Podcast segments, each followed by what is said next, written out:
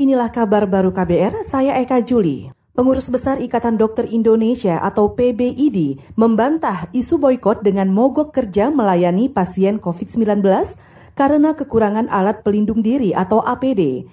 Ketua Satgas COVID-19 Pengurus Besar Ikatan Dokter Indonesia Zubairi Jurban mengatakan, pemerintah seharusnya memastikan stok APD dan alat-alat kesehatan aman selama pandemi COVID-19.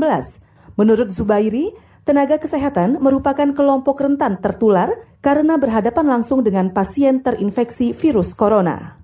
Oh, bukan boykot, kami sama sekali tidak boykot.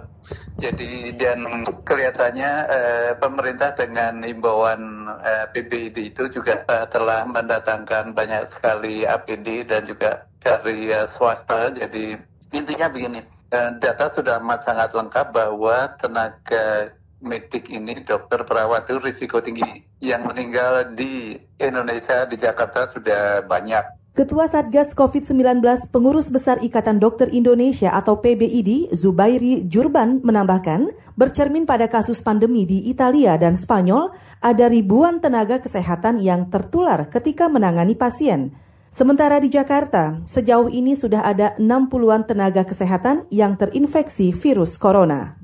Saudara, pihak perbankan dan leasing mendapat keleluasaan untuk membuat ketentuan teknis menyusul pelonggaran cicilan kredit hingga satu tahun bagi masyarakat dan UMKM yang terdampak COVID-19. Juru bicara Otoritas Jasa Keuangan Sekar Putih Jarot mengatakan keleluasaan membuat ketentuan teknis sendiri itu termasuk menilai kelayakan debitur untuk mendapatkan keringanan atau tidak. Apakah memang debitur termasuk yang terdampak langsung atau tidak, lalu historis pembayaran pokok atau bunganya. Kejelasan juga dari misalkan usahanya nanti akan seperti apa. Lalu juga bank dan leasing dari situ akan memberikan restrukturisasi berdasarkan profil debitur tersebut untuk menentukan nanti pola restrukturisasinya. Juru bicara OJK Sekar Putih Jarot juga menjelaskan penilaian kualitas pembiayaan hanya berdasarkan ketepatan pembayaran pokok dan bunga untuk pembiayaan sampai dengan 10 miliar rupiah. Sekar berharap stimulus itu bisa dilaksanakan semua pihak dengan tepat sasaran dan diprioritaskan bagi debitur yang benar-benar terdampak COVID-19.